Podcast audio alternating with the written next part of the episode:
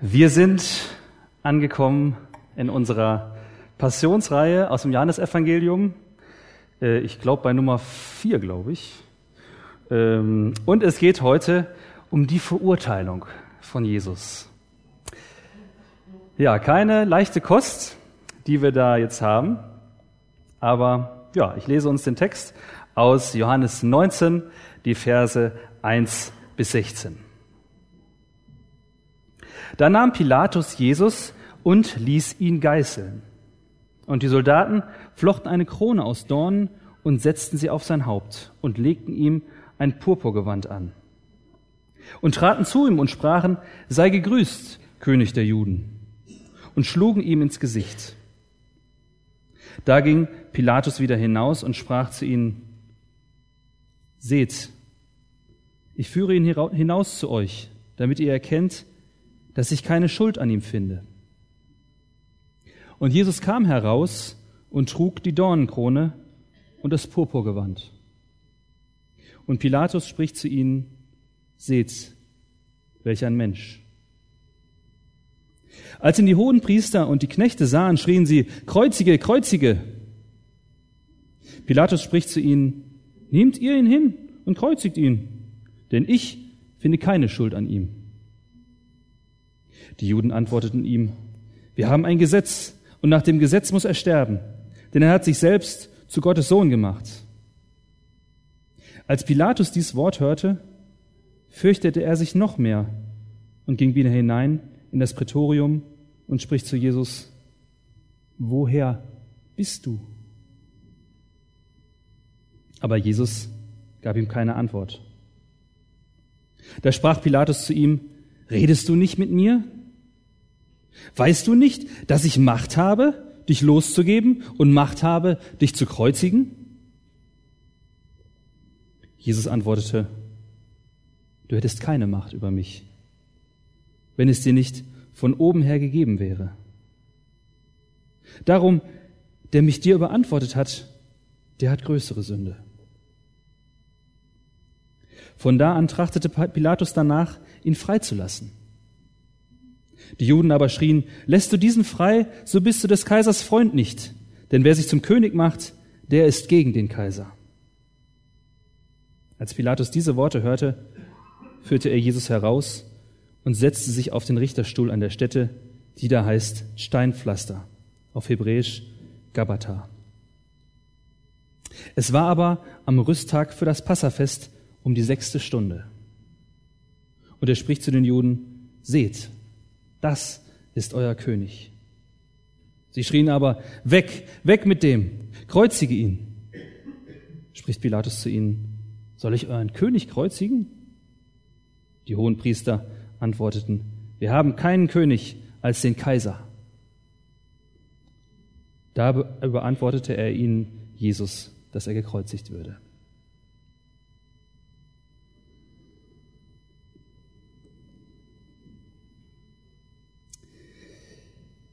Ja, jedes Jahr diese, jedes Jahr diese Foltergeschichten von Jesus.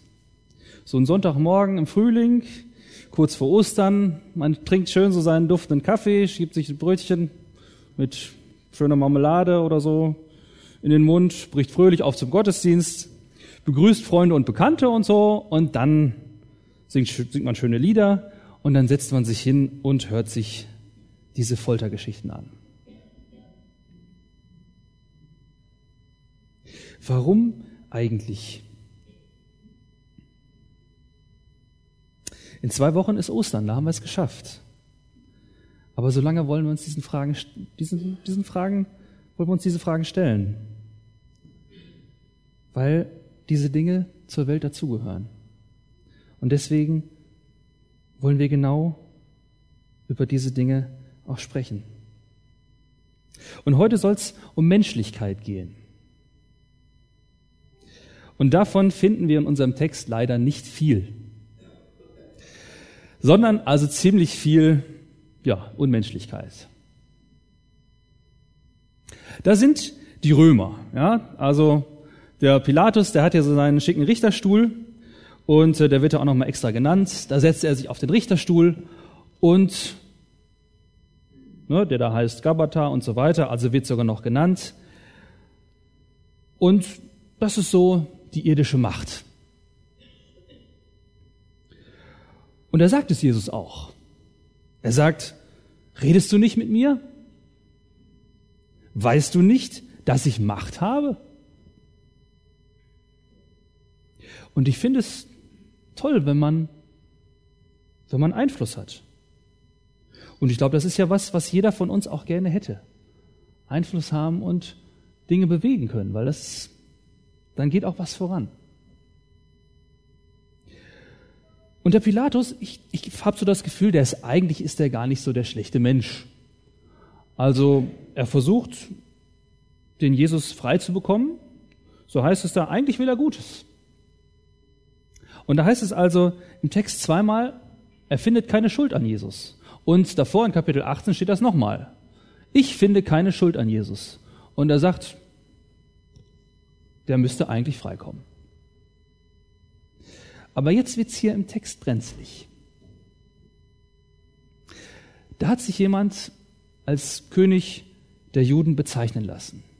Jesus. Und dabei ist Pilatus da ja eigentlich selbst Statthalter. Der Pilatus hält diesen Jesus für harmlos. Also irgendwie ist er ihm ein bisschen unheimlich, hat man so das Gefühl, aber eigentlich ist er harmlos. Aber dann wird ihm gesagt, lässt du diesen frei, so bist du des Kaisers Freund nicht. Wer sich zum König macht, der ist gegen den Kaiser. Und Freund des Kaisers, das war also auch so ein gewisser Titel, ja, den man haben konnte oder eben auch nicht. Und, ähm, und wenn man den nicht hatte, dann wurde es problematisch. Und in dem Moment lässt er also seine guten Vorsätze sausen. Und da ist ihm dieser Thron, ist ihm da wichtiger. Es geht ihm selbst an den Kragen und in dem Moment kippt er um. Er hat weltliche Macht und das ist sein Ding. An Gott glaubt er wahrscheinlich nicht. Er hat keine Instanz irgendwie über sich und in dem Moment fällt sein Ideal, was er hat. Er hat es gut gemeint, aber in dem Moment kippt er um. Und in dem Moment wird er unmenschlich. In Vers 1 heißt es, da nahm Pilatus Jesus und ließ ihn geißeln. Und dann eben in Vers 16, da überantwortete er ihnen Jesus, dass er gekreuzigt würde. Und ich glaube, viele Menschen sind so toll gestartet auch. Auch viele Chefs, auch viele Politiker, und auch viele von uns irgendwie gut gestartet, tolle Ideen gehabt, idealistisch.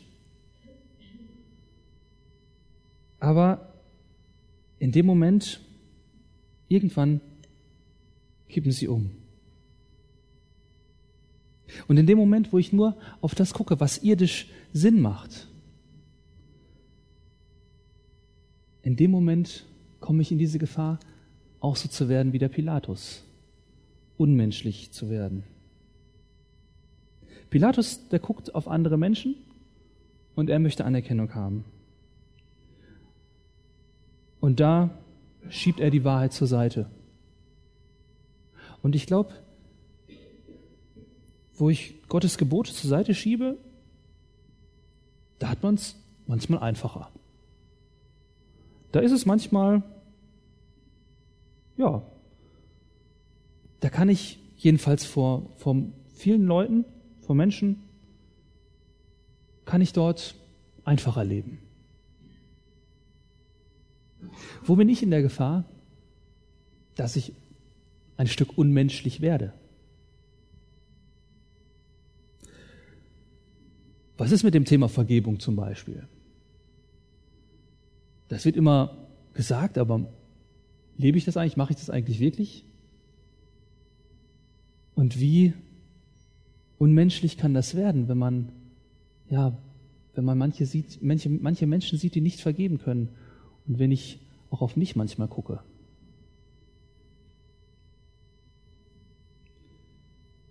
Und da könnte man sagen, Gott, vergiss es. Hier auf der Erde läuft das so nicht. Das ist nicht drin. Oder dem anderen Recht geben, wenn er Recht hat, wie jetzt in diesem Fall.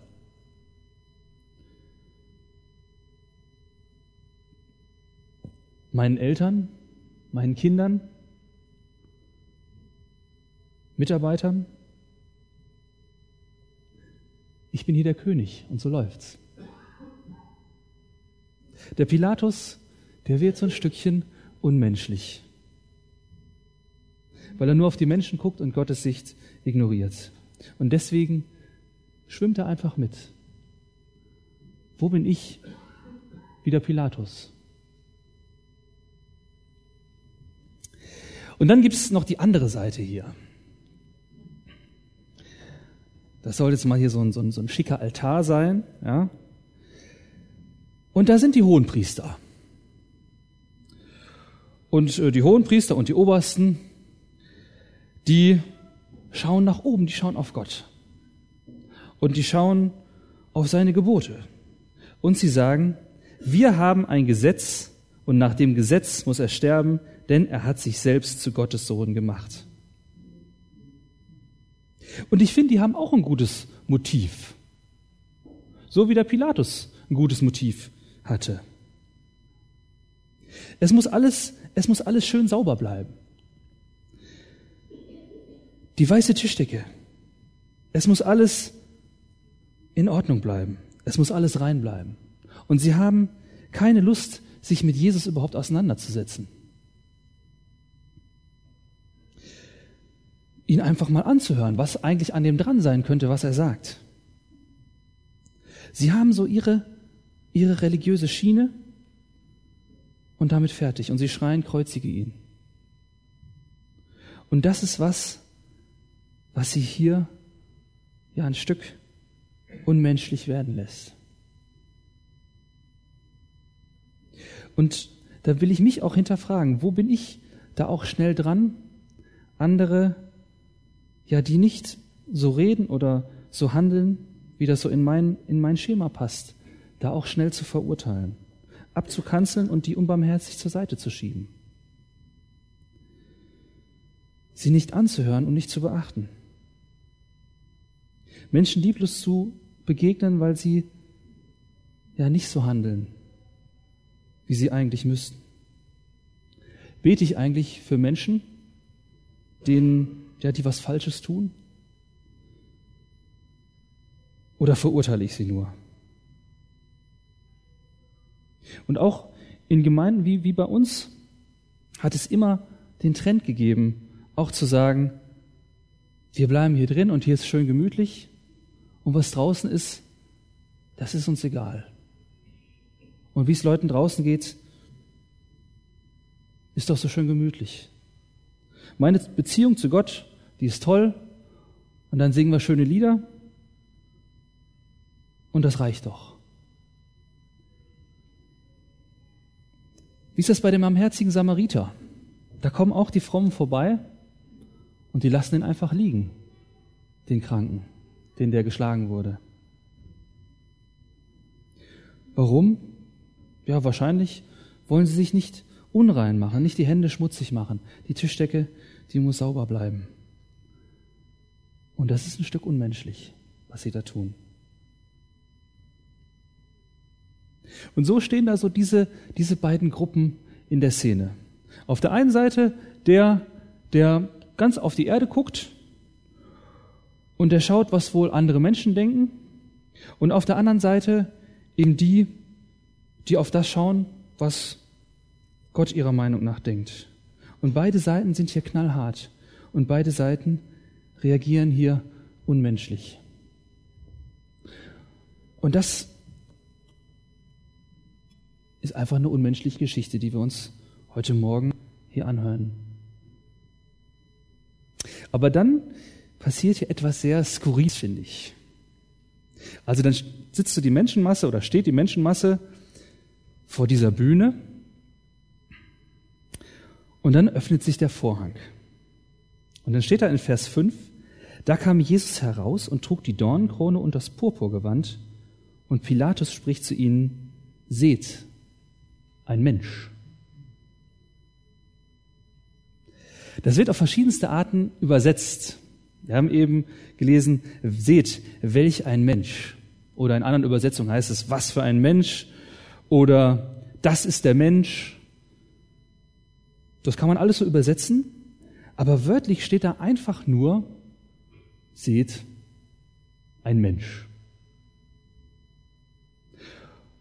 Eine unmenschliche Szene, die da passiert. Und plötzlich steht da Jesus und Pilatus kündigt ihn an mit, seht, ein Mensch.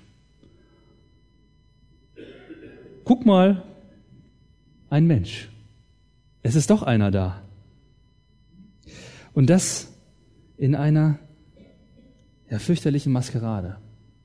Mit so einem Purpurmantel und einer Dornenkrone auf. Es ist doch einer Mensch geblieben. Ich glaube, der Pilatus weiß gar nicht, was er da, was er da ankündigt. Dass Jesus dort kommt in diese unmenschliche Szene. Der einzige Mensch, der dort auftaucht, das ist Gott.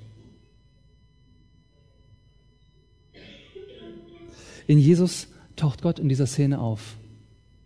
Und das ist der Mensch, der dort mittendrin steht. Waren die beiden Seiten hier nicht auch für Jesus eigentlich eine große Versuchung? Hätte Jesus nicht auch das so machen können wie einer von den, von den beiden? Er hätte sagen können, warum tue ich mir das hier an?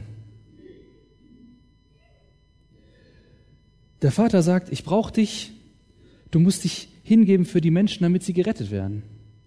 Aber Jesus könnte sagen, mal ganz ehrlich, ich könnte auch einfach König sein. Was gebe ich auf meine Berufung? Brauche ich nicht. Vergiss es Gott. Und er hätte genauso gut sagen können, auf der anderen Seite, die Menschen, was gehen die mich an? Sollen sie doch in ihr Verderben laufen? Mir doch egal. Ich bleib da, wo es schön sauber ist. Wir haben eben gesungen, zwischen Himmel und Erde hängst du dort ganz allein und verlassen von Mensch und Gott. Zwischen Himmel und Erde ausgestreckt, dort am Kreuz.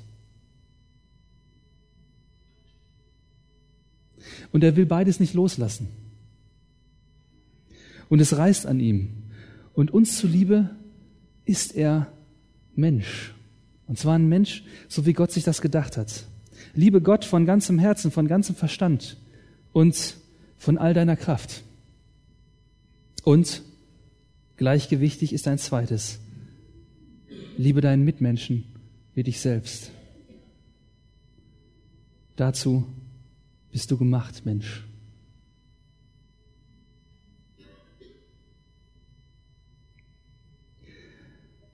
Und jetzt mach es wie Gott. Werde Mensch.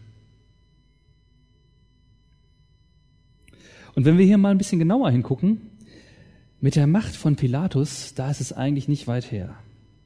Der hat Angst vor dem Kaiser, der hat Angst vor dem Hohen Rat, er hat Angst vor diesem unheimlichen Jesus und eigentlich ist da nicht viel zu sehen von seiner Macht. Eigentlich ist das ein ganz erbärmlicher Anblick. Und da, wo Jesus auftaucht, da darf ich auch Mensch sein. Und da darf ich mich so sehen, wie ich bin. Und da darf ich zu meinen Schwachheiten stehen. Und da darf ich ja auch das Tuch, was ich mir häufig so auf meinen Stuhl lege und dass ich König sein will, das darf ich da zur Seite tun. Und auf der anderen Seite kommt dieser Gott doch auch in die Welt und will nicht auf Abstand sein. Und er bleibt nicht schön sauber und weit weg.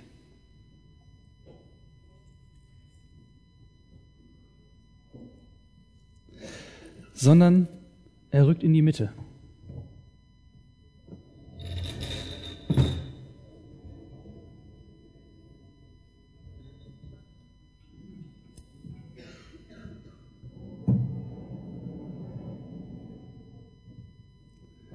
Da will er Platz nehmen.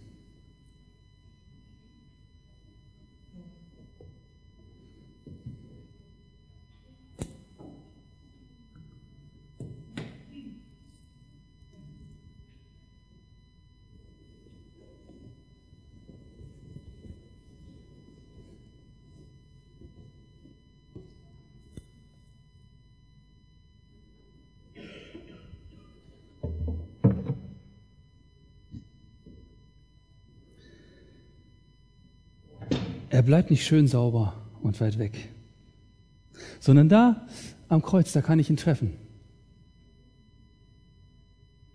Und er kommt in unsere Welt so der, der Tische und Stühle. Total menschlich. Und er lädt uns ein, dass wir uns zu ihm setzen. Und ich habe doch mal ein paar Kaffeetassen mitgebracht.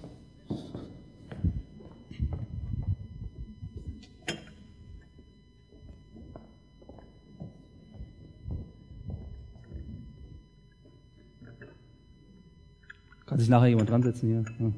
Gemeindeversammlung vielleicht. Ja.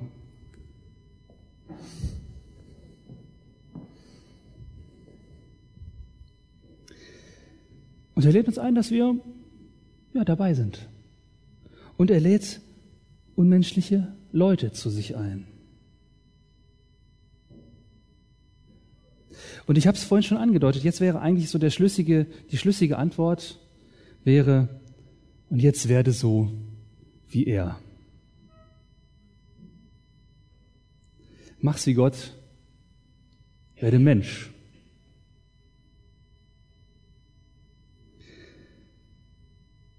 Zinsendorf, ich habe eine Arbeit geschrieben über den, deswegen zitiere ich den immer mal wieder, der hat ein, ähm, ein Bild gesehen, eine Ausstellung irgendwann, und ähm, das hat ihn sehr beschäftigt, hat ihn sehr bewegt.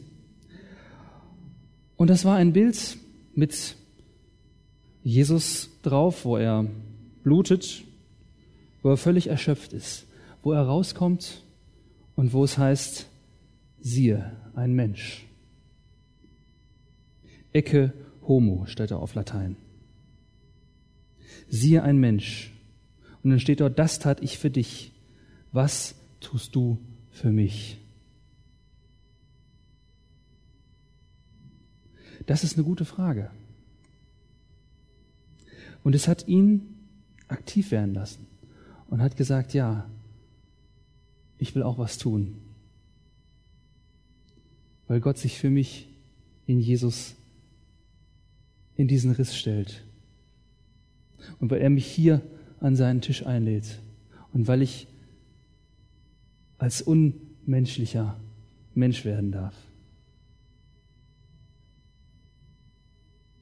Was tust du für mich?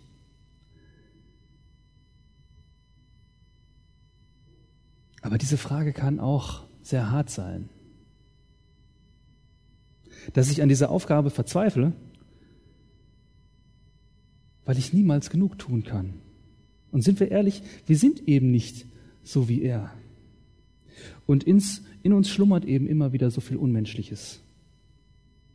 Aber dann kommt hier in diesem Text zum Schluss ein zweites. Sie. Guck mal. Und wieder sagt es Pilatus vor den ganzen Leuten, die da stehen und er zeigt auf Jesus und sagt wieder, Sie, euer König. Und ich glaube, er hat, damals, er hat damit genauso recht wie mit dem ersten Satz. Und ich glaube, ich weiß auch wieder, ich glaube, ich denke, er weiß auch wieder nicht so richtig, was er da gesagt hat, was er da Kluges von sich gegeben hat. Sie, euer König. Ich kann nicht werden wie er. Ich kann nicht werden wie Jesus. So Mensch werden wie er. Aber ich will ihm nachfolgen. Und die Frage an, an uns, an mich ist, soll er mein König sein?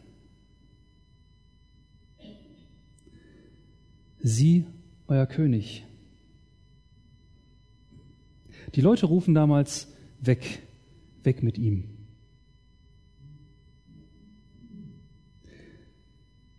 Was rufst du? Sieh dein König. Mach's wie Gott, werde Mensch. Ich bete.